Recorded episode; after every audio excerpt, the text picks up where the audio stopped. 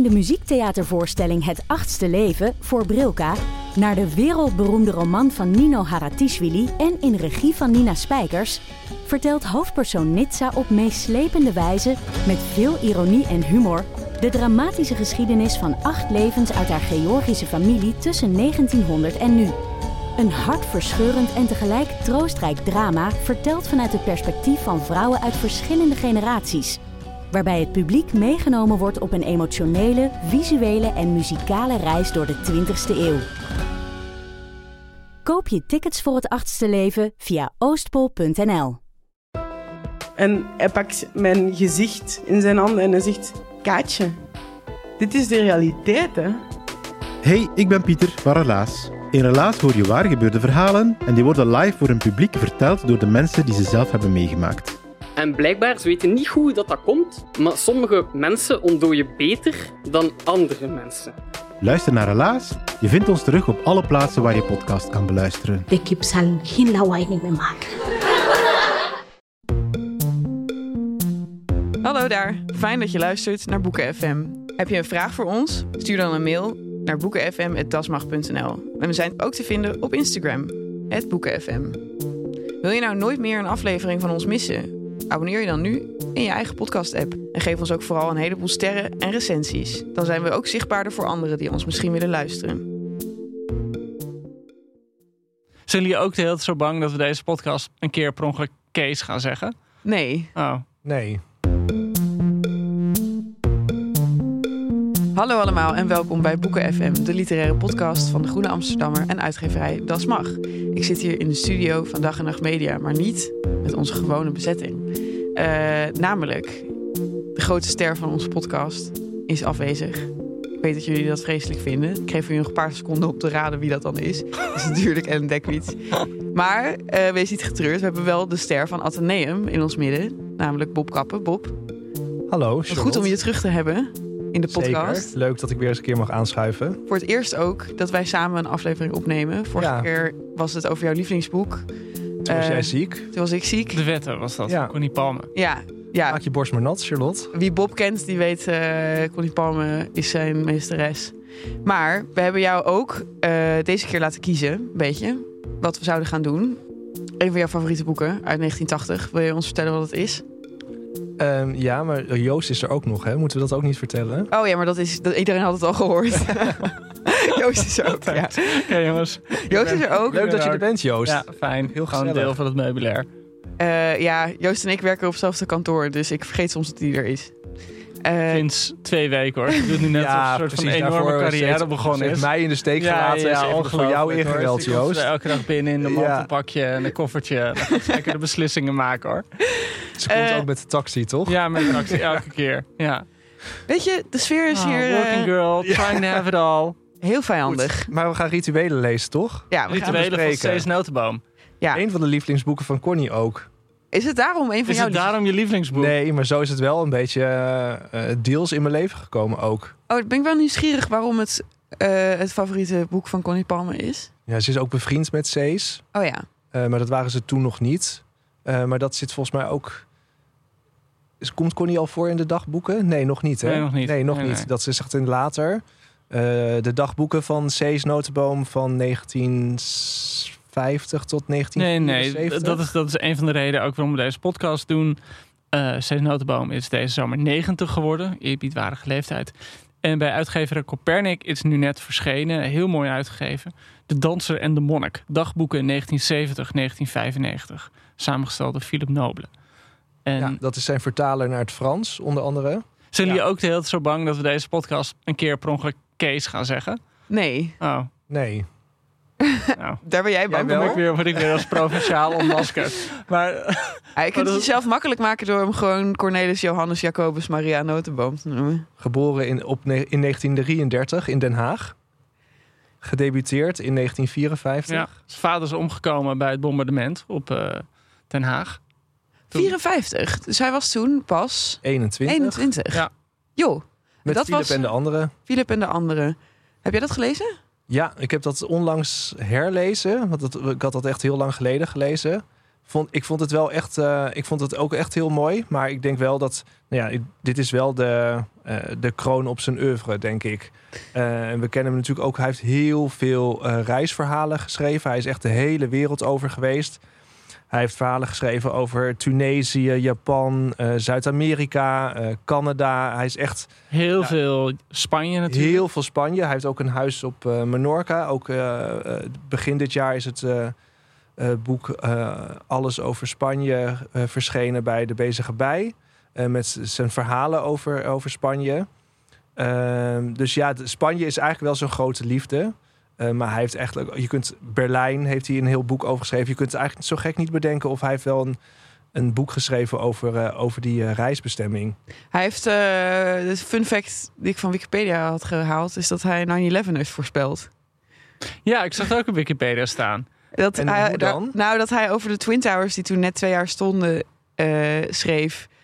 eh, dat ze eruit zagen als iets wat nooit kan blijven en op een dag met een zucht in elkaar zakt.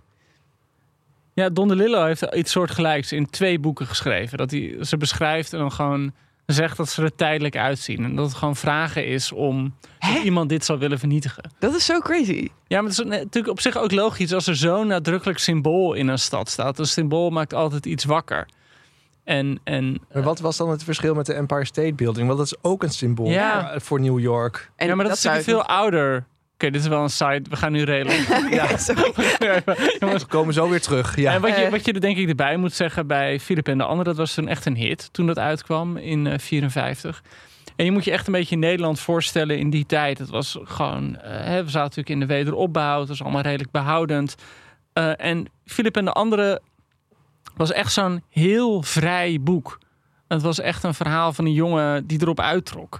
En die eigenlijk ja, zich losgezongen voelde van school, van zijn gezin, van de maatschappij. Die- al was het twintig jaar later of 15 jaar later verschenen, had je gedacht van, oh, het is een soort hippieboek of zo, Ja. een soort on the road. Er zit ook best veel seks in Ja, voor een boek in die tijd. Oh, wauw. ja, en, eh, maar ja, dit, dit is dus gewoon uit 54, toen al die dingen er nog niet waren. Dus het is duidelijk dat Notenboom, ja, hij hoorde, ja, hij hoorde niet bij de vijftigers, denk ik, maar Nee. ja, hij had wel die speelsa- speelsigheid. En ik denk dat vergeleken met de vijftigers dat hij, en dat is hem ook wel verweten, maar ik vind dat heel fijn, veel cerebraler is, heel intellectueel. Het is echt iemand die graag strooit met eh, de filosofen en met, eh, zeg maar, de, de betere gymnasiumkennis. Ehm, Ook gestopt met zijn middelbare school. Ook gestopt trouwens. met zijn middelbare school. Net zoals Kampert en zo. Hij is ja. toch even van een heleboel scholen afgetrapt? Ja, dat is toch met al die grote namen die toch allemaal geen school hebben afgemaakt. Dan hebben wij toch ja, iets wij staan gedaan, heel erg achter Ja, dat we precies. gewoon keurig die diploma gehaald Ja. hebben op. Heeft lange relatie gehad met eh, onder andere Lisbeth List en eh Fritsie Harmsen van Beek. Oké, Ja. ja. Op jachtlust gewoond ook. ja, dat befaamde landhuis. Ja, Waar alle dichters en schrijvers ja, samen daar kwam Cees ook heel veel. Daar kwam steeds Wow. ook veel. Ja. Ja. En ik, eh, ik las dat hij het vooral heel goed doet in Duitsland. Hoe verklaren jullie dat? Dat is wel grappig, want kijk, hij hoorde heel erg. eh, en, en voor de mensen die Cees Notenboom niet kennen, moeten we dus zeggen dat hij wordt al heel lang gezien als Nederlands, na Mulisch, Nederlands grootste kans op een Nobelprijs voor de literatuur. En dat heeft er denk ik ook mee te maken dat zijn oeuvre echt ongelooflijk internationaal is. Het is heel veel vertaald. Eh, het is ook iemand, als je die dagboeken leest, die heel veel lezingen gaf door heel Europa heen. Heel goed in zijn talen zat. En hij behoorde wel redelijk tot die herenclub die je ooit had. Dus rond Mulisch en Hofland en eh, Donner en eh Rudy Voegs. Van, van Mierlo. Van Mierlo, van, ja, Hans van Mierlo, de minister, was een goede vriend van hem.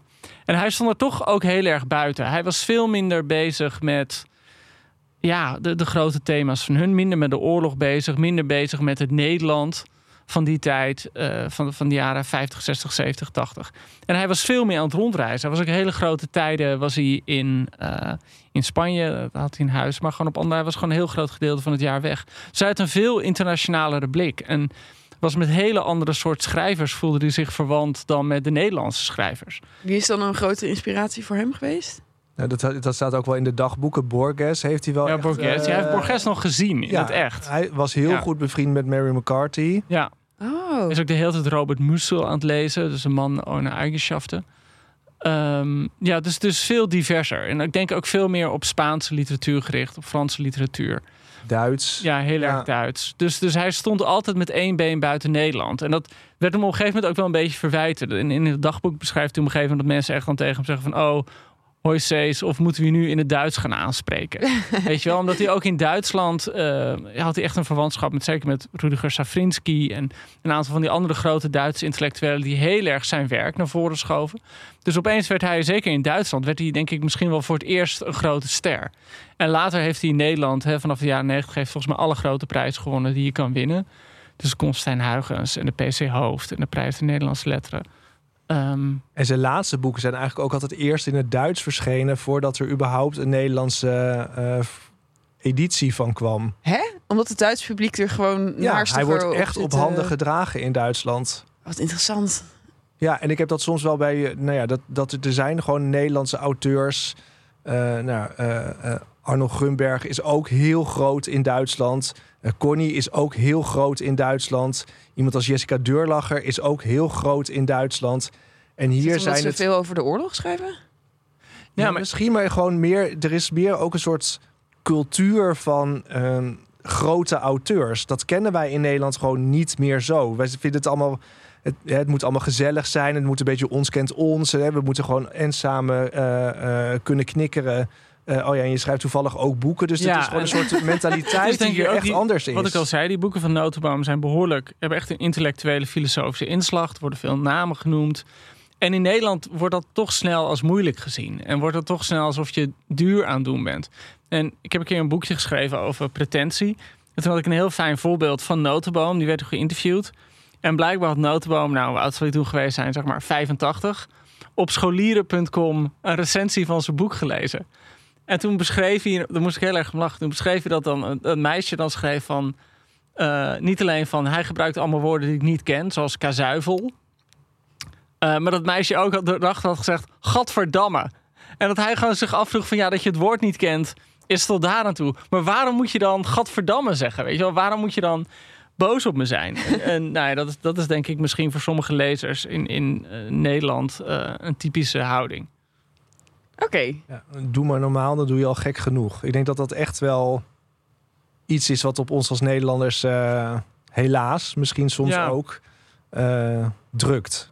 Maar rituelen geniet nog altijd een status in Nederland. Ja, het is Al, alleen niet eh, in druk. Dat is wel een beetje jammer, de bezige bij. Ja, Het is niet in druk op dit moment. Het is niet in druk op dit moment. Ja, daarom heb ik dit exemplaar van jou moeten lenen. Eh, Marja heeft ook mijn exemplaar geleend. Maar volgens mij hebben jullie nu wel een grote stapel liggen bij Atheneum. We zijn toch? bezig met wat we willen hier een stunt mee uithalen. Dus dat gaan we wel proberen. Maar ik heb ook tegen de bezige bij gezegd van dit, het, het kan niet zo zijn dat dit niet in druk is. Dat, Ja, daarvoor is het te veel een klassieker. Ja. Weet je, de avonden, de aanslag. we zijn al zo slecht in klassiekers in staat te houden. Dus en dan moet je daar niet als uitgeverij met zo'n naam daar ook eh, aan bijdragen. En wat heel leuk is in, in dat dagboek, eh, De Dans en de Monnik, dat nu dus net bij eh, Copernic is verschenen. Daarvan hadden we een lange voorpublicatie in De Groene. En toen hebben we een beetje zitten puzzelen wat wilden we. En toen hebben we eigenlijk heel erg de jaren 70 genomen. En in 63 publiceerde hij De Ridder is gestorven, een roman. En daarna publiceerde hij 17 jaar geen roman. En hij publiceerde wel gedichten en heel veel reisreportages. Eh, maar eigenlijk wat, wat in die dagboeken naar voren komt, is een soort van totale onmogelijkheid om een roman te schrijven. Zo'n zo'n decennium lange frustratie om, niet, om tot een roman te komen. En hij schrijft van de hele tijd- En, en is- ik vind die dagboeken echt heel mooi. Het zijn niet echt anekdotes, soms wel. Het zijn ook heel veel meer gewoon invallen en overpeinzingen. En gewoon zeggen wat hij gegeten heeft en waar en Ja. met wie. En, En met ja. wie, ja. oh, dat Dan is schrijft hij- interessant. De onmogelijkheid om vorm te geven aan een leven dat niet meer vorm is. Lijn heeft dan de toevallige bepaaldheid van een karakter. En dan nog een zwervend, open, los karakter. Met gaten, niets gewilds, geconstrueerd. Dat zou alleen kunnen door in dat leven iets zodanig te construeren. Maken, dat het leven ermee gelijk zou lopen. Kortom, een oeuvre. En dat is eigenlijk gewoon de hele tijd waar hij mee bezig is. Dat idee is dat zijn leven is heel los. Hij is tijd op reis. Hij heeft geen kinderen. Hij heeft geen eh, vastgoedportefeuille. Hij, bedoel, hij is gewoon overal en nergens. En hij voelt zich gewoon alsof hij eh, als een blad dat alle kanten opwaait. Wel En- tobberige toon. eh. Ja, het is heel tobberig. En, en eh, gek genoeg moet ik er ook wel vaak eh, om lachen. En eigenlijk het probleem wat, wat Notenboom heel vaak situeert... en ik denk als we zo meteen over rituelen gaat hebben... dan komt het ook wel terug... is dat hij de hele tijd het idee heeft dat hij zichzelf niet kent. Dus ik, hij zegt dan op een gegeven moment... ik zou mezelf beter uit willen leggen... Oh nee, Jan Hein Donner zegt tegen, hem- tegen hem... het vreselijke aan jou is dat je een nihilist bent. Je gelooft nergens in. En hij schrikt ervan. Dan zegt hij, ik zou beter willen uitleggen... waarom ik dat als zo waar ervaar. En... ehm, Misschien nog even goed om te zeggen dat Jan Hein Donner een beroemde schaker beroemde was in die tijd. ja. en de vader van Marianne Donner, onze columnist. Oh, in 19 natuurlijk. Ja, of in 1971 eh, schrijft hij... Ik heb plotseling weer die griezelige sensatie van niet meer in te halen tijd. Met te weinig gedaan heb ik me al verzoend. Maar te weinig gelezen is onvergeeflijk. Hoe het in te halen en met welk systeem. Vooral waar de ontglippende tijd mij ook de andere kant op jaagt. Van flaneren, cafés, jeugd. En dit vind ik heel mooi. Zoals altijd lopen mijn twee levens door elkaar heen. Het lege leven van het strand. Of van de rock en de hotpants. en de ijdelheid der ijdelheden. En dan dat monnikachtige verlangen naar gedisciplineerd, scholar-like bestaan. Niet twee mensen zijn, maar één. En eigenlijk is dat wat je heel veel terug ziet komen. Dat het de hele tijd hem gewoon niet lukt te kiezen wie hij nou is. En wie die, waar en wie die moet zijn. Oh ja, dat zit de heel erg in wordt hij ook genoemd, Ja. toch? Ja. Ja, Die hotpants. ja die hotpants, inderdaad. Eh, maar laten we het dan eventjes over rituelen gaan hebben. Eh ten slotte zijn we daarvoor hier. Of ben jij nog heel erg naar Ja, nee, ja, ik, ik zit nu te bladeren en ik kom gewoon heel veel. Heel Zullen veel we dat gewoon af en toe er tussendoor fietsen? Ja, we is dat wel leuk. Ja, Alright. Ehm, rituelen dus. rituelen. Misschien moet ik even vertellen waar het over gaat. Het is verschenen in het over gaat? 1980. Eh, en het speelt zich af eh, deels in 53, deels in 73 en ook eventjes in 63. Eh, de hoofdpersoon is Inigo Wintrop, Inni in de volksmond.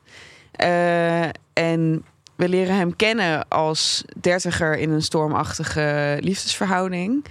En dan gaan we terug naar hem als jongen van 20. ehm, die via familie een hele eigenaardige man tegenkomt. Namelijk Arnold Taats. Die eh, voormalig skikampioen is. En eh, notaris. Eh, en een heel vreemd gereguleerd bestaan heeft. Met op elk uur van de dag een vaste activiteit. Zoals een dutje of een wandeling. Of een drie kwartier lezen of zo. En eh, daarover zegt hij zoiets grappig. Ik vond het echt zo'n geweldige eerste zin van, van die passage. De eerste zin die we eh, lezen over Arnold Taats is deze. Totdat hij Philip Taats ontmoette, had Innie Winterop altijd gedacht dat Arnold Taats de eenzaamste man van Nederland was. En eh, zo zet hij Arnold ook neer. Het is iemand die eigenlijk een hekel aan andere mensen heeft. Zijn enige vriend in dit leven is een hond. En hij voorspelt ook op een soort griezelige manier zijn eigen dood. Eh, hij weet zeker dat hij in de sneeuw op een berg eh, ten val zou komen. Ja, zijn been breekt en dan niet meer weg. En dan niet kan meer weg kan komen. Dat zegt hij tegen de 20-jarige Innie. En uiteindelijk is dat ook hoe hij aan zijn einde komt. En eh het is een man die heel erg indruk maakt op, eh op Innie. En 20 jaar later, als hij 40 is, komt hij geheel toevallig bij een eh, Oosterse kunsthandelaar Op de Spiegelstraat. op de Spiegelstraat. Een, want het is een boek dat zich eh, heel expliciet in Amsterdam afspeelt. Eh, komt hij een, ma- een man tegen die zich voorstelt als Philip Taats. En die dus de zoon moet zijn van Arnold Taats. En hij wist niet eens dat hij een zoon had. Eh, en die zijn vader nooit gekend heeft. En toch, los van hem, een soort vergelijkbare blik op het leven heeft ontwikkeld. Heel erg zich afkeert van andere mensen. En ook een soort gek, rustig universum om zichzelf heen heeft Ja, gebouwd. enorm streven naar autonomie. Gewoon Ja. van, of autarkisch eigenlijk. Van niemand anders afhankelijk willen zijn. Ja, en Arnold die concentreerde zich dan heel erg op nou ja, de sneeuw. eh, als skier. Hij wilde dan zich op een berg afzonderen. En Philip die zonderde zich af in een appartementje in de pijp. Maar hij zondert zich dan geestelijk af door zich op het zen-boeddhisme te richten. Wat wel toevallig is, want we hebben in de podcast ook Nirvana besproken. Ehm, en hij heeft een soort extreem sober ingericht appartement waar hij godgansdag aan het mediteren is.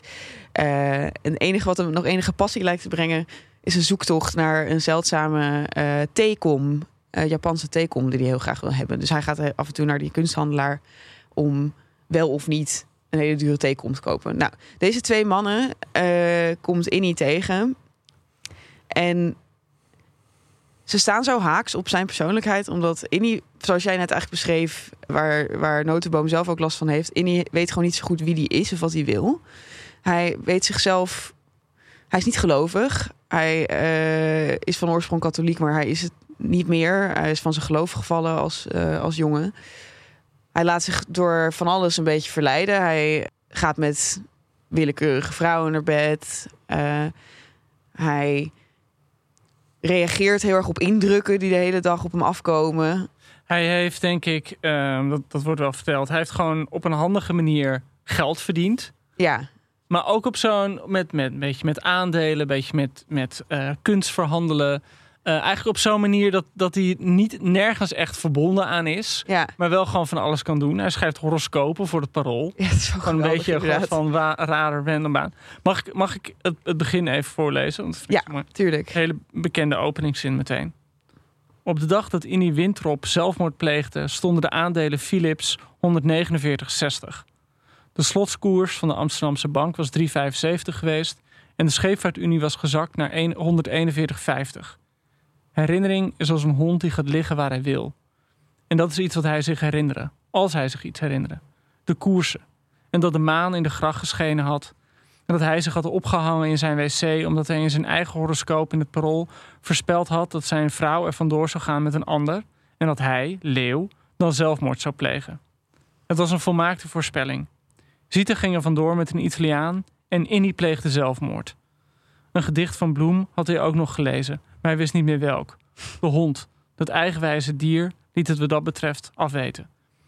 En hij begint meteen zo, en wat je dan moet weten is dat hij eh, geen zelfmoord pleegt. Of het mislukt, in ieder geval. Ik bedoel, zelfs dat lukt Innie niet. En zo voelt hij dat ook heel erg. Als iemand die eigenlijk gewoon faalt. Faalt zich te verbinden, faalt zich te committeren aan dingen. eh, die een soort van grote voorbeelden heeft van mensen die het wel kunnen. En hij blijft gewoon de schoemelaar in de marge. Ja, en de taatsen die zijn natuurlijk allebei voor die, die voorspellen en voeren hun eigen dood met overtuiging uit. Ja, En dat, dat lukt Innie niet. en dat lukt Innie op geen enkele manier, nee. Bob, jij, we Ja, hadden het van nou- tevoren eventjes over. eh, Ja, ik wilde ook nog wel even aanhaken op wat je net zei over, over, de, over de tijd. Dat hij zo zoekend was. Maar dat was misschien, het was natuurlijk ook het Amsterdam van net na de oorlog. Of in ieder geval, nou ja, niet heel ver na de oorlog. En daar schrijft uh, Notenboom ook over. eh, best wel aan het begin van het. Het was het Amsterdam voor. Op bladzijde 15. Het was Amsterdam voor Provo. Voor de kabouters. Voor lange hete zomers. Maar op veel plaatsen in die magische halve cirkel werd de onrust geschept gescherpt. Sorry. Het leek heel lang geleden dat Indië was weggegleden in een van de laatste bladzijden van, de, van het vaderlandse geschiedenisboek, die later zo anders herschreven moesten worden. Korea was met de liniaal verdeeld door wat sommigen de onontkoombare loop van de geschiedenis noemen. En er waren al mensen eh, die wisten dat het zaad van Vi- Vietnam gezaaid was. Dus het gaat ook heel erg over van hij weet ook heel erg wel het eh Indië in een bepaalde tijd te plaatsen. En voor mijn gevoel ook heel erg daarmee te laten zien dat het niet zo gek was dat hij zo zoekend was. Want de hele wereld was zoekend naar Oh ja. ehm, hoe de wereld er na die oorlog en in die onrustige tijd eruit moest komen te zien. Amsterdam begon zachtjes te smeulen. Maar iedereen schoof het op zijn eigen slechte humeur. Leed, onomkoombaar huwelijk of gebrek aan geld. De grote opluchting dat de kwaal eerst van de wereld was... en dan pas voor sommige inwoners, had nog niemand uitgedeeld. Dus hij beschrijft inderdaad wat, wat Mulisch en, en eh, nou, Hermans Minder... Maar, maar Hofland en heel veel van die auteurs beschrijven over... Hè, wat zij de restauratie noemden. Dus die periode eigenlijk tussen het einde van de oorlog en het uitbreken van de Provo-periode. Dat gewoon allemaal jonge mensen eigenlijk niet het leven aan het voeren waren dat ze wilden eh, leven.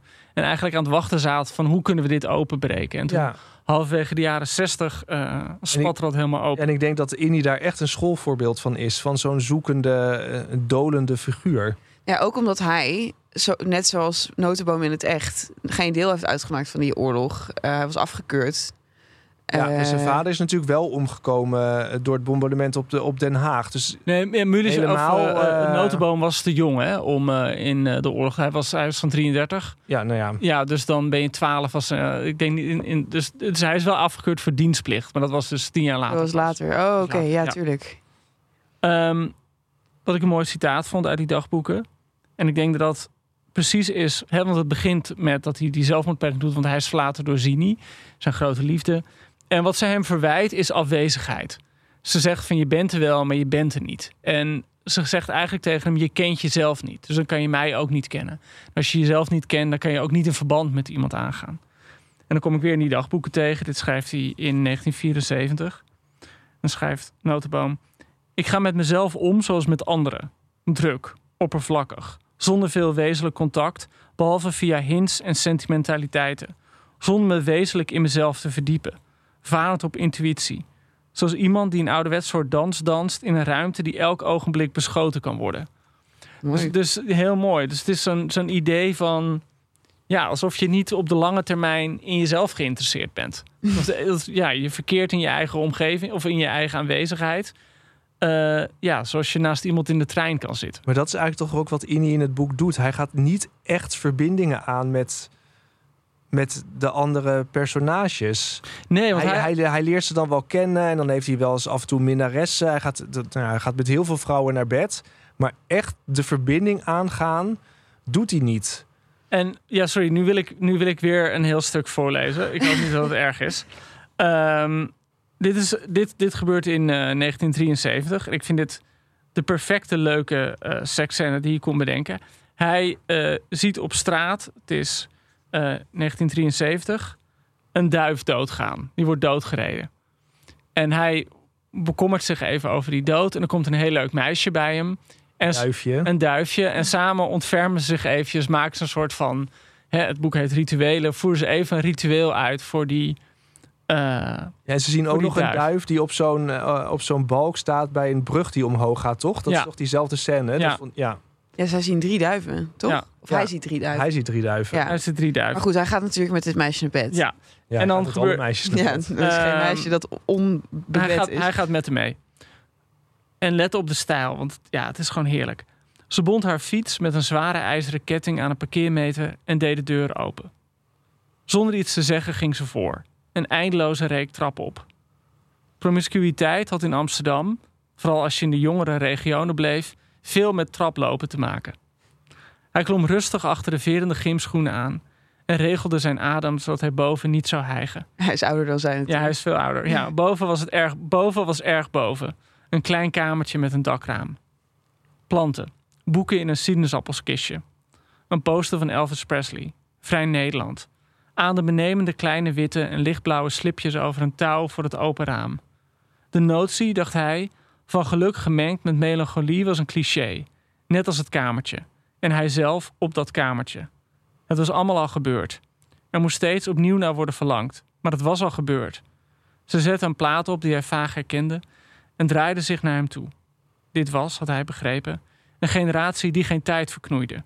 Ze trokken je aan en uit als een handschoen. Trefzekere handelingen gevolgd op snelle besluitvorming. Het leek soms nog het meest op een vorm van werken. Ze stond recht tegenover hem. Bijna even groot was ze. En hij keek recht in haar blauwe ogen. Ze stonden op ernstig. Maar het was een ernst waarvan je de bodem kon zien. Ernst zonder structuur. Ze had nog niet geleden. En ook nog niet per ongeluk. Lijden, had hij geleerd, kon je ook weigeren. En dat werd tegenwoordig op grote schaal gedaan. Ze kleden hem uit. Hij kleedde haar uit. Ze lagen naast elkaar. Ze rook naar meisje. Hij streelde haar. Zij verschoof zijn hand een paar keer over een uiterst kleine afstand. Zei: Nee, daar niet, hier. En scheen hem vervolgens te vergeten. Het lichaam was gadget. Ze kwam klaar zonder fout in de motor. Het had, vond hij, iets heel zoets. Zijn eigen prestatie leek op een te grote auto op een kleine Engelse landweg. een paar jaar later zou de halve Amerikaanse auto-industrie aan een dergelijk anachronisme ten onder gaan. Er viel in bedden nog steeds veel te leren. Hij bleef even liggen en voelde hoe de kleine, tennis, basketbal, luchtgekoelde handen zijn rug streelden. Goh, zei ze. En toen, hoe oud ben je? Hij zag in het handschrift waarmee ze in haar dagboek... Nee, lul, ze hebben geen dagboeken meer. Zou schrijven en zei 45. Hij zei maar wat. Ik ben nog nooit geweest met iemand zo oud als jij. Record, ook daar hadden ze last van. Maar je kon het zo moeilijkst kwalijk nemen. en eh, vervolgens gaan ze uit elkaar. En dan als hij twee straten verder is, bedenkt hij dat ze nooit hun namen hebben uitgewisseld. En, en dit natuurlijk zo van, het voelt heel erg aan als het... eh, als, een, als een andere variant van het seksleven van Turks fruit. Waarin je gewoon even tegen iemand aanfietst. En dan had ze flats eh, achter op de fiets eh, hem naar binnen parkeert. En eh, de fiets, de fiets. Ik bedoel de fiets. De Ja, fiets. dag Joost. Sorry. Sorry, sorry, sorry. sorry. Je weet dat wij een boze mail hebben gekregen over dat we geen flauwe grapjes meer mogen maken. Ah, we mogen nooit meer flauw grapjes maken. We krijgen Nee, een hele boze mail van flauw. iemand. Ja. Ja, heel flauw. We moeten, het liefst wil die vrouw dat we gewoon, de- deze luisteraar, dat we gewoon volledige recensies voorlaten. Ik begreep dat En ook verder niet. zwegen. Ja, dat zei ze. Dat zei ze ja. Maar adembenemende slipjes, dat vind ik ook echt wel... eh, Ik vind het heel schattig. Zo'n zo'n grote oude man. Nou ja, oud, 45. Hij is hij, 40, denk hij ik. was 40. Hij is Ja. 40, ja. Ja. Hij, hij doet zich ouder voor dan hij is. Ja. Want, want zo voelt hij zich. Bob, ik vond iets interessant dat je zei voordat we begonnen met opnemen. Namelijk, nou, die beroemde eh, zin over de hond die gaat liggen waar hij wil. Her- Herinnering is als een hond die gaat liggen waar hij wil. Dat jij zegt dat herinnering een belangrijke rol speelt. Ja, ik denk dat het boek heel erg gaat over herinneren. Ehm, maar wat ik dus heel erg interessant vind, is dat er ook wel vaak gezegd wordt: ehm, eh, dacht hij of eh, eh, denkt hij. In allebei de tijden wordt dat wel gezegd. Dus hij is ook wel heel erg zoekende naar wat zijn eigen herinnering, of die kloppen, ja of nee. Ehm, en ik denk wel dat, nou ja, voor mijn gevoel gaat dit boek over herinneringen en over de dood. Dat zijn volgens mij de twee grote thema's. Mhm. En ja, hij kijkt, Innie kijkt terug op zijn leven. Dus hè, op zijn ontmoetingen met, eh, met de, de, taatsen. Ehm, en ik denk, het boek eindigt ook met ook zo'n wel bekende eh, zin. Er bestonden dus kennelijk twee werelden. Eén waar de taatsen wel en één waar ze niet vertoefden. En gelukkig bevond hij zich nog in de laatste. Dus Oh hij is toch heel erg van bewust van... ik heb een leven voor of met de, fam- de familie Taats... maar ik heb ook nog een leven daarna. Eh, en ik denk dat hij door, de, door zijn contact met de twee Taatsen... toch zijn eigen leven een beetje gevonden heeft... over Ah, zijn lotsbestemming. Ik heb, eh, mijn editie heeft een voorwoord van A.S. Byatt, de Engelse schrijfster. En die merkte dit, precies ook dit op. Die zegt van Innie, de man met een palindromische naam. Een naam die terugblikt en vooruitblikt. Dus het zit al in die naam, die kan je twee kanten op lezen. Dit is zoals mijn hij. naam. Oh, ja. ja. Ja, Joost. Eh, ja, nee, ja, dat is geen woord geloof aan. En dus inderdaad, het is zo'n man die eigenlijk eh, tussen twee tijden gevangen is. Eh, en eigenlijk dus het heden niet helemaal goed kan verdragen daardoor. Zo op het verleden gericht en ehm, ja, dat hij het heden mislaat. Ja, en ik denk dat er, er zijn denk ik wel, nou ja, de twee taatsen, we hebben het volgens mij al nu een paar keer gezegd, die plegen alle drie, eh, of alle twee eh, zelfmoord eh, in dit boek. Maar ook eh, die Therese, zijn oud-tante, hoe Mhm. noemt hij haar ook weer? Gewoon tante. Tante, Therese. Ja. tante Therese, ook zij. eh, Dus dat is in eh, het eerste deel als hij twintig is en dan bij die familie langs gaat. Ja, en eh, wat, wat ik daar heel erg mooi aan vind, en dat komt al een paar keer terug, dat is de glijbaan. Ehm, dus nu ga ik ook even een stukje voorlezen. Dat is aan het, eh, op pagina 34. Ehm, Tante Therese was glijbaan, dat was zeker. Drank en een onfeilbaar mengsel van hysterie en landerigheid hadden de uitgang uit de balzaal als vanzelf gewezen.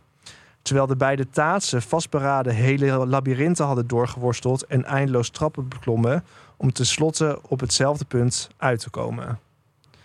Dus er zijn gewoon drie belangrijke karakters in zijn leven die, nou ja, waarbij de zelfdoding dus wel lukt. Ja. Ehm, maar wat ik ook steeds dacht van, volgens mij wil Indy ook helemaal niet dood. Nee, Nee. Volgens mij wil hij het proberen, zeg maar, ja. eh, om in de voetsporen te treden van die drie personen uit zijn leven.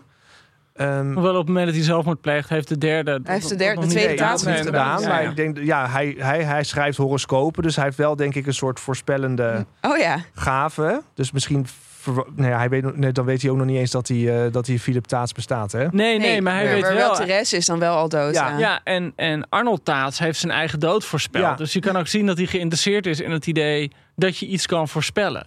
Nou, en voor, is- mij, voor mij gaat dat dus ook heel erg om dat hij die zelfmoordpoging doet. Doet hij niet uit. ehm, ja, oké, zijn vriendin heeft hem gelaten, maar dat is meer een aanleiding dan dat het uit een soort van grote depressie voortkomt. Het komt meer voort uit het idee van eigenaarschap van je leven. En het idee dat je iets onder controle heeft. Ik bedoel, dat is wat hem de hele tijd misgaat. Het is iemand en, het die maar in aan... zo- en het stond in zijn horoscoop, toch? Je vriendin gaat je verlaten en dan pleeg je zelfmoord. Ja, maar die horoscoop die hij zelf geschreven had. Dus opeens heeft hij zo'n moment dat hij denkt... oh, nu kan ik gewoon autonoom handelen. Nu kan ik helemaal autonoom over mijn eigen leven en mijn eigen dood beslissen. Want dat is wat, wat die oom van hem gedaan heeft... waar je Ja. zo tegen opkijkt. En wat het ook is volgens mij, is dat hij het leven steeds eh, tussen zijn vingers door ziet glippen of zo. Hij is best wel obsessief altijd bezig met het eiken van ervaringen.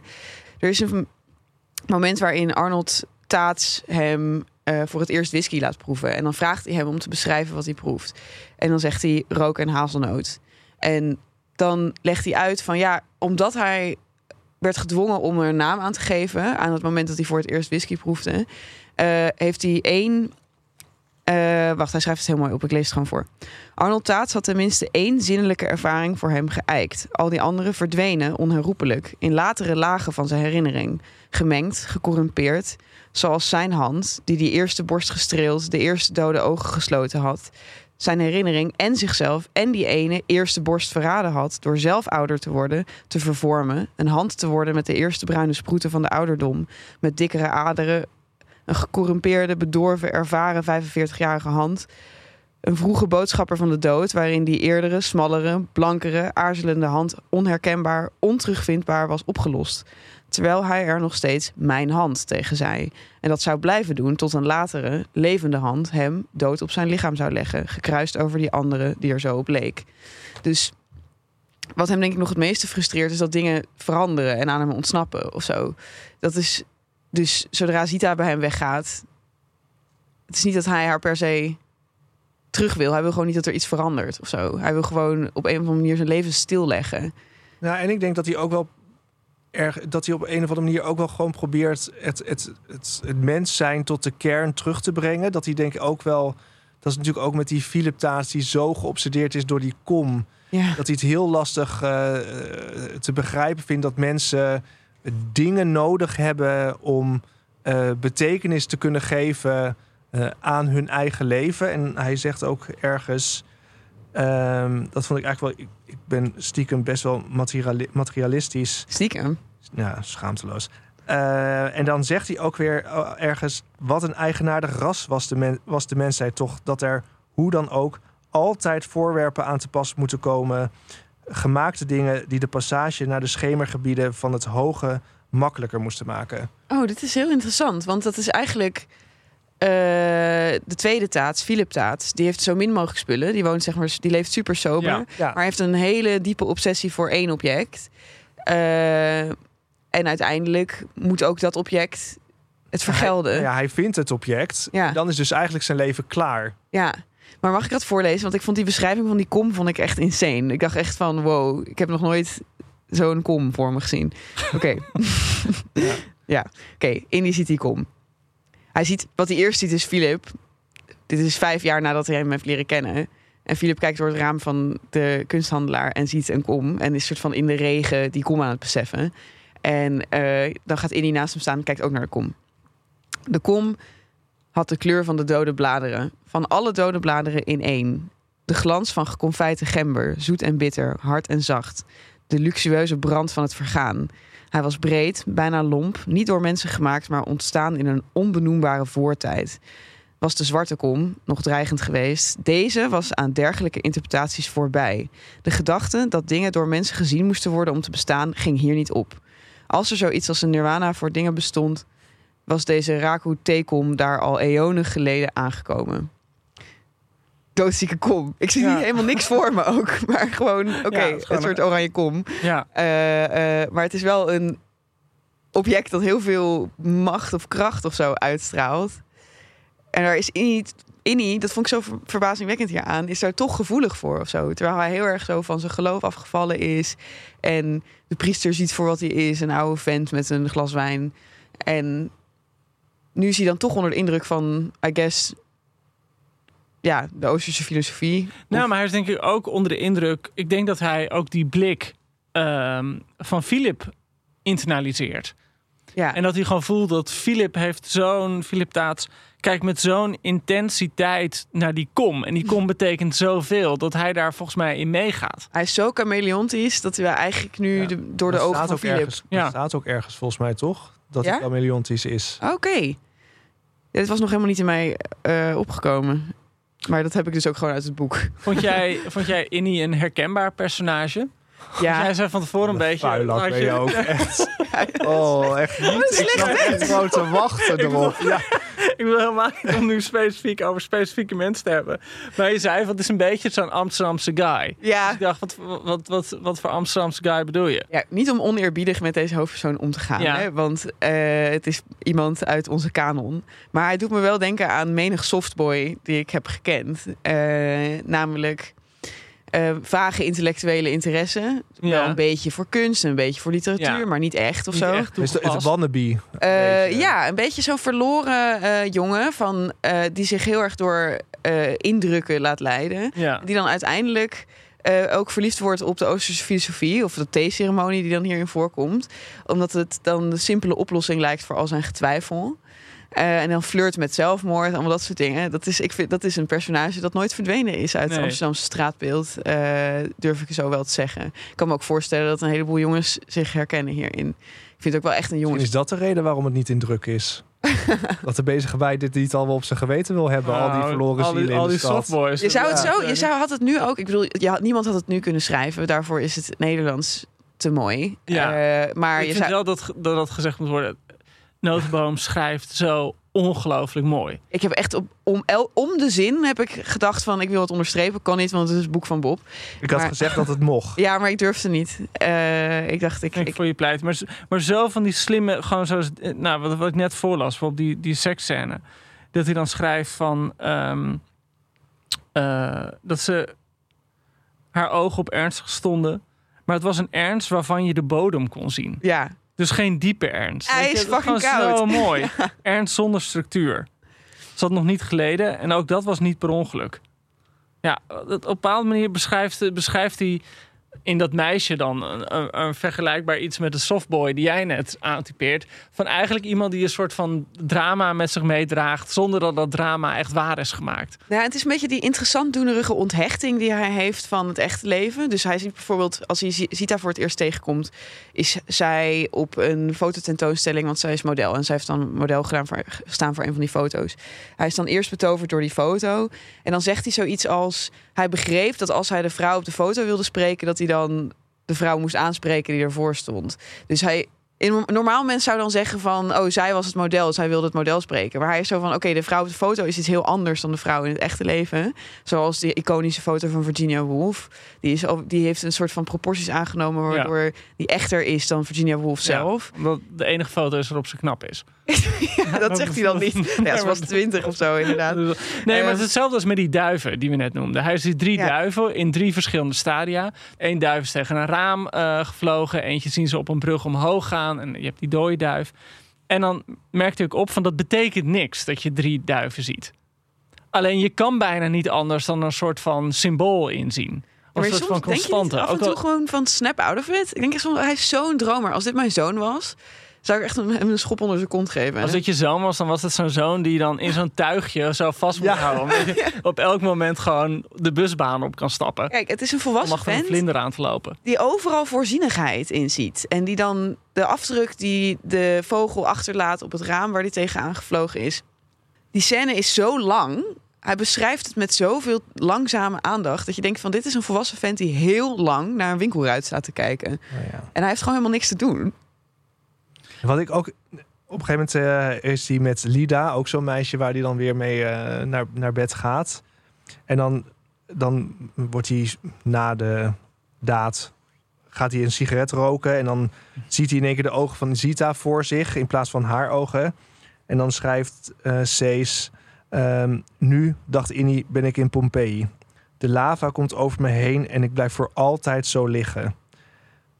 Een man half over een vrouw van wie in dat ondenkbare later niemand weet dat het de zijne niet is. Zijn hoofd opgericht en kijkend naar iets dat voorgoed onzichtbaar is geworden. Wat hij voelde was rouw. Ja, heel mooi Het is gewoon Ja. echt, ja, je kunt echt dit hele boek onderstrepen, want het is de ene mooie zin na de ander. Zegt- is ook, ik vind wel dat, dat we hebben het er nu over en, en eh, we doen ons best, want we mogen niet te melig zijn van de mevrouw die ons een mail ging sturen. Ehm, en toch is het heel moeilijk om tot de kern van het boek te komen. Het boek is ook zo, en dat is, nou, ik heb het nu drie keer gelezen of zo. Het is ook een enorme sfeer waar je instapt. Het is een mood, het is een vibe. Ja. Ja, maar dat vind ik ook, dat, dat is juist denk ik de kracht. Omdat in, ook Innie komt niet tot de kern van zichzelf. Dus ik denk heel goed dat het, dat het gewoon heel knap is dat notenboom je als lezer ook niet tot de kern van de roman laat komen. Nee, want ik, ik had, toen ik het uit had, dacht ik van... oké, de, eenvoudige samenvatting zou dan zijn van... oh, het gaat over het geloof of zo. Want er wordt heel expliciet gemaakt hoe hij van zijn geloof afvalt. En dan vindt hij in die theeceremonie... vindt hij toch iets van geloof weer terug. Eh, maar daar gaat het eigenlijk ook niet over. Want daarvoor is hij zelf niet geïnteresseerd genoeg erin. Nee. Zo. Maar is het ook niet zo, je zei van dat het is zo'n dromer, maar die dromer zijn allemaal helemaal naar buiten gericht. Ja. Het is iemand die gewoon niet naar zichzelf kijkt. Het is iemand die voor een winkelruit staat, naar het winkelruit staart en niet zijn reflectie ziet. Nee, we horen ook nooit hoe hij eruit ziet. Ja, mager als, als net, kind. eh, tamelijk kalend.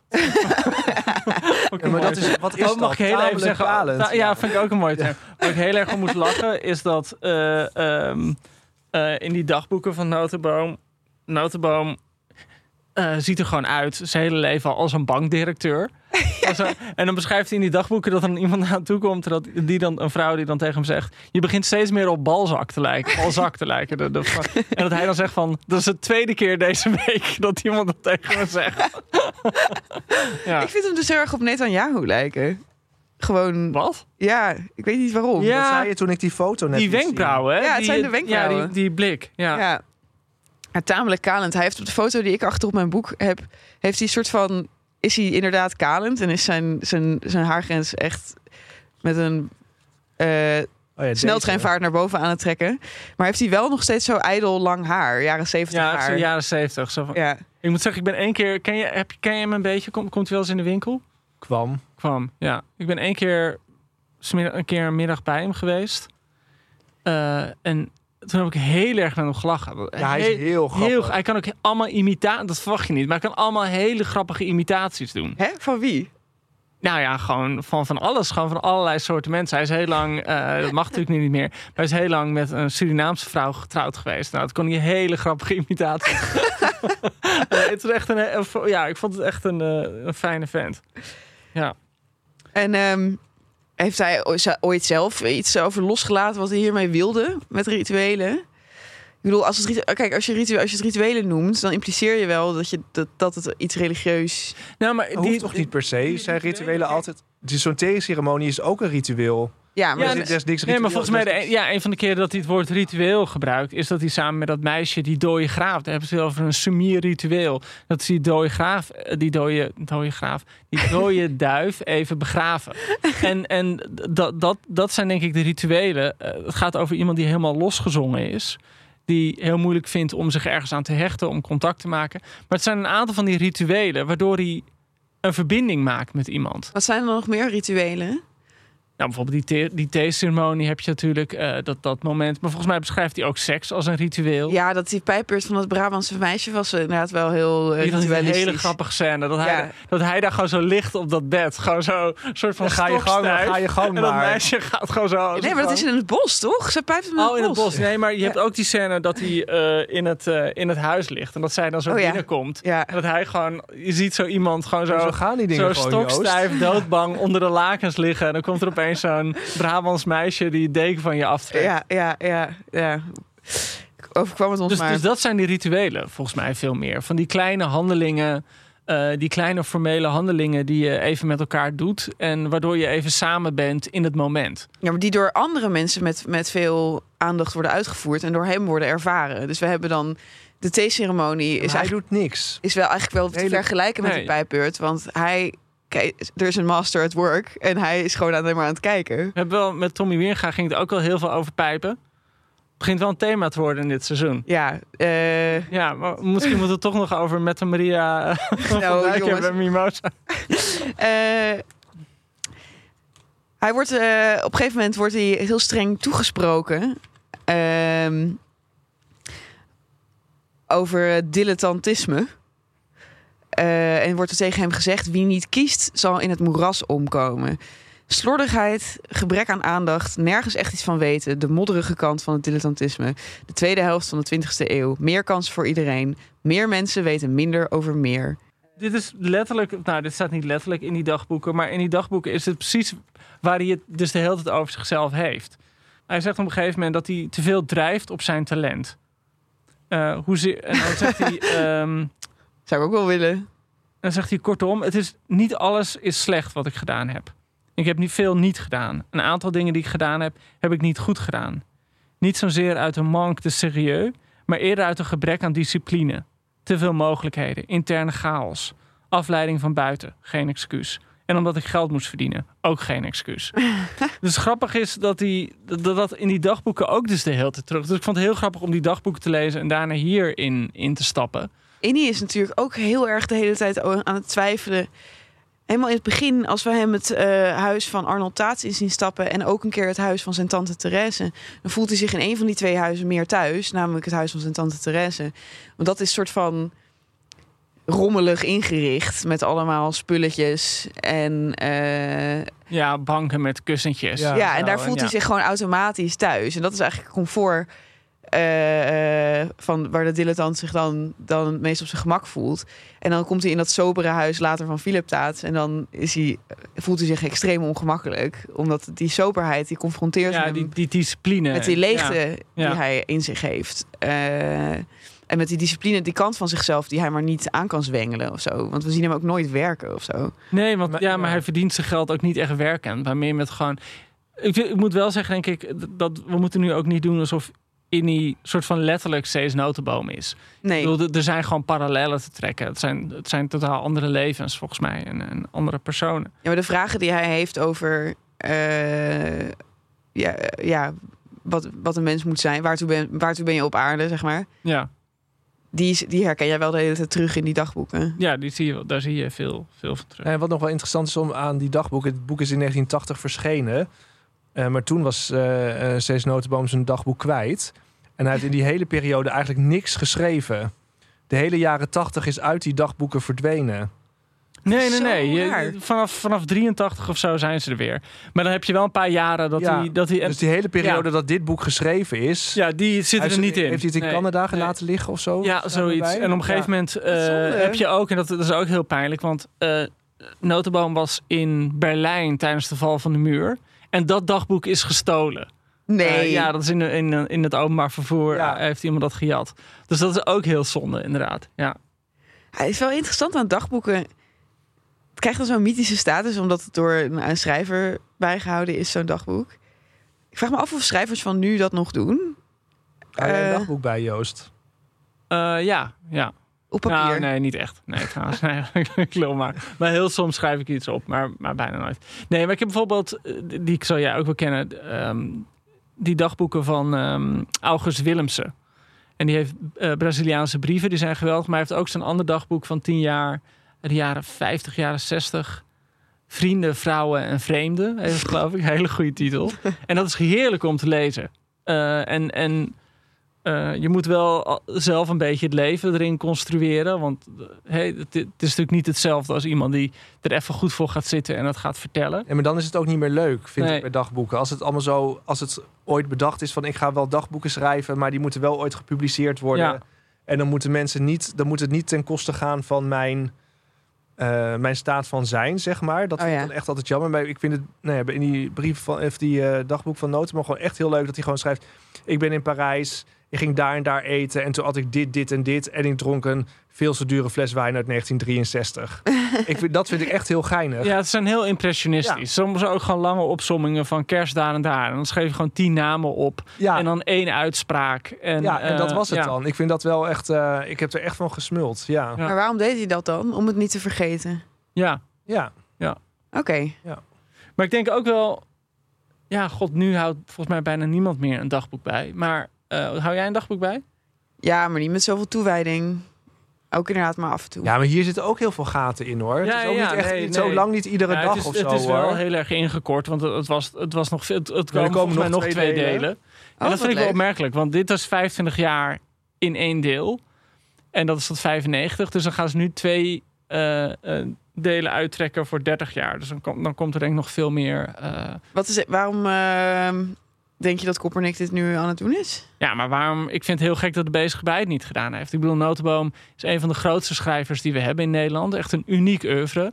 Een heel interessant leven. De, de, laatste, Eh, de laatste grote, toch? Eigenlijk? Ja, echt, echt laatste van, van dat formaat. En ehm, Op Connie na. op Connie na. En ik moet eerlijk zeggen, de bezige bij, eh, want we waren heel streng eh, in Nirvana over, eh, in de Nirvana-aflevering over Tom Wierga. Maar van Tom Wierga is een keer een dagboek verschenen als soort van eh, nieuwjaarsgeschenk van ehm, de bezige bij. Oh, daar was jij enthousiast Dat over. vond ik heel goed. Dat vond ik heel goed. Dus dat ik denk van, goh, ja, het, het, ik vind het wel degelijk, kan het soms een heel leuk genre zijn. Dus misschien dat, dat, dat die het ook nog een keer kan. Maar gewoon, kijk, Cees Notenbooms leven... is iemand die met zoveel culturele figuren en politieke figuren en literaire figuren in contact stond. Niet alleen in Nederland, maar wereldwijd. En het is een oeuvre dat, ja, ook al is rituelen blijkbaar nu niet in druk in, eh, bij de bezige bij. Het is gewoon een kanoniek boek. Het hoort gewoon tot de kanon. En eh, dus je leest een dagboek omdat het een bepaalde sfeer heeft, omdat er leuke anekdotes in staan, maar ook omdat je zo'n heel ja, soort historisch beeld krijgt van een bepaalde cultuur. Ja, hij heeft echt iedereen ontmoet. Echt, het is echt Ja. ongelooflijk. Het is echt... eh, Maar het is dus ook een leuke man om mee om te gaan. Ik, heb, ja, ik heb hem een paar keer ontmoet, ook in de winkel. Eh, ik vind het een, het is een hele charmante... eh, Ja, ik bedoel, het, het kan ook een man zijn met wie je ruzie krijgt. En, eh, ik Schijnt deze verhoudingen nogal dwingend te zijn geweest. Nou ja, en het is ook iemand die gewoon zijn vetus heeft. En, en ze dat, ik bedoel, gewoon zoals alle schrijvers die hebben. Ik bedoel, dat, het is, niet- eh, het is geen heilige of zo. Maar eh, kijk, belangrijke vraag dan, is iemand aardig? Is de vraag, is iemand interessant? En ja, het is, hij is, zeker interessant. Ja, Ja. zeker. Oké, eh, we naderen alweer het einde van onze aflevering, helaas. Hoe heet ook alweer die dat privédomein deel met ook die mooie titel? Eh, er zijn duizend levens, maar ik nam er maar één. Zoiets. Oké, Vind ik ook echt zo mooi. ja. Nee, dat is trouwens een schrijversdagboek wat eh, door het eh, Literatuurmuseum is eh, eh, geschreven. Oh, dat is niet binnen privé Nee, privédomein is waar je gevallen bent, blijf je. Ja. Wat ik ook een prachtige titel Wat vind. Ja. ook een heel grappig eh, dagboek is, waar, waar ik soms in blader, is ehm, mysterie van de heilbot, of het geheim van de heilbot, van eh Oek de Jong. Oh ja, En, en dat is gewoon heerlijk, omdat het dat dagboek hield Oek de Jong bij terwijl hij Hokwerda's kind schreef. Echt een geweldig boek ook trouwens. Eh pas wel een beetje in dit rijtje, vind ik. Ehm, en, wat, en aan de ene kant is het gewoon Oek de Jong die gewoon heel serieus zit te werken en zichzelf heel serieus neemt. Dus zijn boek heel serieus neemt. En dan tegelijkertijd is het ook gewoon van dat hij dan inlevert, dat hij helemaal zo trots heeft hij het uitgeprint. En dan gaat hij het bij, eh, volgens mij, Mitsie van de Pluim inleveren of zo. En zegt, nou leuk, ik ga nu op vakantie, maar als ik terug ben, het eerste, het eerste wat ik doe is het lezen. En dat je denkt van ja, dat is ook het schrijversleven. Van, Ja. Je bent eindeloos gewoon eh, water naar de zee aan het dragen. Mooi. Zou je ook iets mee moeten? mag ik nog één klein stukje voorlezen? Over denken. Ja, Ja, vertel. Denken. Wat was dat trouwens precies? Hij las veel, maar wat hij las, en niet alleen dat, alles wat hij zag, films, schilderijen, zette hij om in een gevoel. En dat gevoel dat niet meteen in woorden kon worden uitgedrukt. Nu nog niet en misschien wel nooit. Die ongevormde massa van sentimenten, impressies, observaties, dat was zijn denkwijze. Mooi. mooi. Het is in die, in die, in, in, in die notendop. In, in, in, het. Het voelt, Ja. Bij zo'n klassieker voelt het een beetje oneerbiedig om een cijfer te geven. Hebben jullie dat toen bij Connie wel gedaan? Zeker. Ja, dus je hebt die aflevering niet geluisterd. Sorry, Gewoon nee. alleen als, als je... Veert- zo- ik gaf het een 40 of zo. Nee, 60. Je gaf het een 60, 60, ja. 60, Omdat je het 60 keer gelezen hebt. Ja. Oh, dat vind ik Ja. mooi. Ja, ik ik heb wel, een 10 hoor. ik heb wel met een paar mensen daarover gehad, Bob. En die zeiden, oeh, misschien moeten we een keer met Bob gaan praten. Want als je een boek zo vaak leest, dat is meer een dwangstoornis dan dat het... Ja, eh, prima. Ja, wat ik toen ook al zei. I don't care what people think. Ja. Ja. sorry, er is tenminste nog iemand in, eh in Connie Nederland heeft een eigen, boek, heeft een hele, hele eigen boekenkast bij ons in de winkel. Ja. Oké, oké. Kom allemaal naar Atheneum. Eh, Oké, eh, als ik iets Die zou je resumeren... laten zitten. Hadden we oh afgesproken. shit, sorry. Nou, Oh, had ze al de, al de notitieblaadjes ja, maar het is ook onleesbaar hoor. Er staat hier ook gewoon iets heel sufs. Er staat gewoon geweldige eerste zin. Nou, Joost. Resumerend. Eh, gek genoeg, we hadden toen met Bob bedacht van we gaan een aflevering over rituelen maken. En daar maakte ik me heel veel, had ik heel veel zin in. En toen kwam het de afgelopen week dichterbij en toen maakte ik me zorgen. Omdat het een boek is dat ik gewoon heel erg lief heb. En tegelijkertijd is het gewoon een moeilijk boek om over te praten. Het is een boek dat geen eenduidig plot heeft. Uh, het werkt niet naar een bepaalde clue toe. Ook al hoe het is opgebouwd met die gekke sprongen door de tijd. Uh, het, is niet een soort van stromende rivier die je meesleurt. Uh, het is heel cerebraal, het is heel sensitief, het is heel gevoelig. En, en, maar waar ik altijd heel blij om ben, is als we uh, een podcast hebben met z'n allen. En dat ik dan afloop het gevoel van, oh god, nu, nu heb ik op een betere manier, uh, dankzij jullie, nagedacht over het boek. Dus ik ben heel blij dat jullie zeiden van ja, het, het, punt van het boek is dat het ook die kern mist. Dat het iemand is die het leven door zijn vingers ziet glijden. Die eigenlijk het nut en structuur door zijn vingers ziet glijden. Die schoonheid en liefde door zijn vingers ziet glijden. Dus het gaat ook om het, om het ernaast grijpen. En, en het gaat ook een beetje om het ontbreken van een kern. Uh, we hebben nog veel te weinig gehad. We hebben wel veel voorgelezen, maar we hebben nog te weinig gehad over de stijl van Notenboom, die echt onovertroffen is. Uh, voor mij is dit een boek dat gewoon in dat rijtje past van de aanslag van Mulisch en de wetten van Connie Palme. Uh, dus ja, dat is de, uh, hoe zeg je dat? De, de, de top van Olympus. dus ik geef het gewoon een, ik geef het gewoon een foutloze tien. Geef ik het gewoon. En jij, Bob? Ja, ik geef het ook een tien. Nou, weet je, ik krijg altijd de wind van voren omdat ik uh, dingen te hoog becijfer. Maar als het van jullie mag, dan geef ik het nu ook een 10. Oh, en dat is omdat ik denk, en dit heb ik echt, weet niet wanneer ik het voor het laatst heb meegemaakt, dat bijna elk hoofdstuk hierin afzonderlijk als Ja. kort verhaal gelezen zou kunnen worden. Uh, met. Want er zit geen begin, midden en eind aan het boek. Maar aan elk van deze scènes zit er gewoon een briljant begin, midden en eind. Het Ik is- denk ook dat je het boek, je zou, het, zou alle katernen uh, zou je eruit kunnen, kunnen scheuren. En dan zou je het gewoon oneindig veel verschillende hussels kunnen maken. En dan zou het alsnog uh, op dezelfde manier lezen, denk ik. Ja, dat denk ik dus ook. En ik, ik, ik, ik kon gewoon elk hoofdstukje sloot ik gewoon af met van nou, dit was weer een perfect verhaaltje. Ja. Uh, dus ik heb het. Dit was mijn allereerste notenboom. En ik heb het geweldig uh, gehad met hem. Wat ik je heel erg kan aanraden van Notenboom verder is S'nachts komen de vossen. Zijn laatste verhalenbundel. Ook schitterend. En als je een keer naar Spanje of zo gaat, Ja. uh, omweg naar De Santiago. omweg naar Santiago. Echt fantastisch. Oké, okay, nou dan laten we jullie met deze boodschap achter. Uh, er is nog veel te lezen van de heer Notenboom. Uh, wat er over... Gaat in één keer de heer zeggen. heer ook. ja, in de eerbied voor hem. Ze gaat deze jij, podcast, jij mag natuurlijk de hele deze Cees- podcast aan hem opsturen. En jij noemt hem net bij zijn voornaam. Cees. Ja, dat die gaat 90 gewoon, ja, is. dat gaat gewoon vanzelf. Ja, sorry. Ja, wij wilden nog eventjes. Dit is wel gek, want deze aflevering bestaat buiten de tijd. Dus misschien gaan we dit ook weg. Nee, we gaan het gewoon doen. Laten we het gaan doen. Maar Joost, eh, eh, eh, in de echte tijd, waarin wij nu bestaan, namelijk eind september ehm, Vrijdagmiddag. Eh, 2023, is het bijna tijd voor de Nobelprijs Volgende week worden ze uitgereikt. voor de literatuur. En, en Joost wilde graag dat we dan nu toch een voorspelling ook zo in de zouden lucht, omdat Cees gewoon zo... Dat is nou, wat ik al eerder zei. Dat, dat was heel lang Nederlands, Nederlands hoop op een Nobelprijs. Maar waarom is die vervlogen? Nou ja, ik weet niet of het vervlogen is. Het kan alsnog. Maar je hebt wel vaak het idee dat... Met sommige schrijvers denk je... als die een Nobelprijs zouden krijgen... dan hadden ze hem al gehad. En dat, dat zei jij over Kundera. ja, Eh, bijvoorbeeld. Nou, die heeft hem niet gehad. die heeft hem en Philip. Roth en zo. Ja, daar Ja. kan je dan elk jaar op hopen.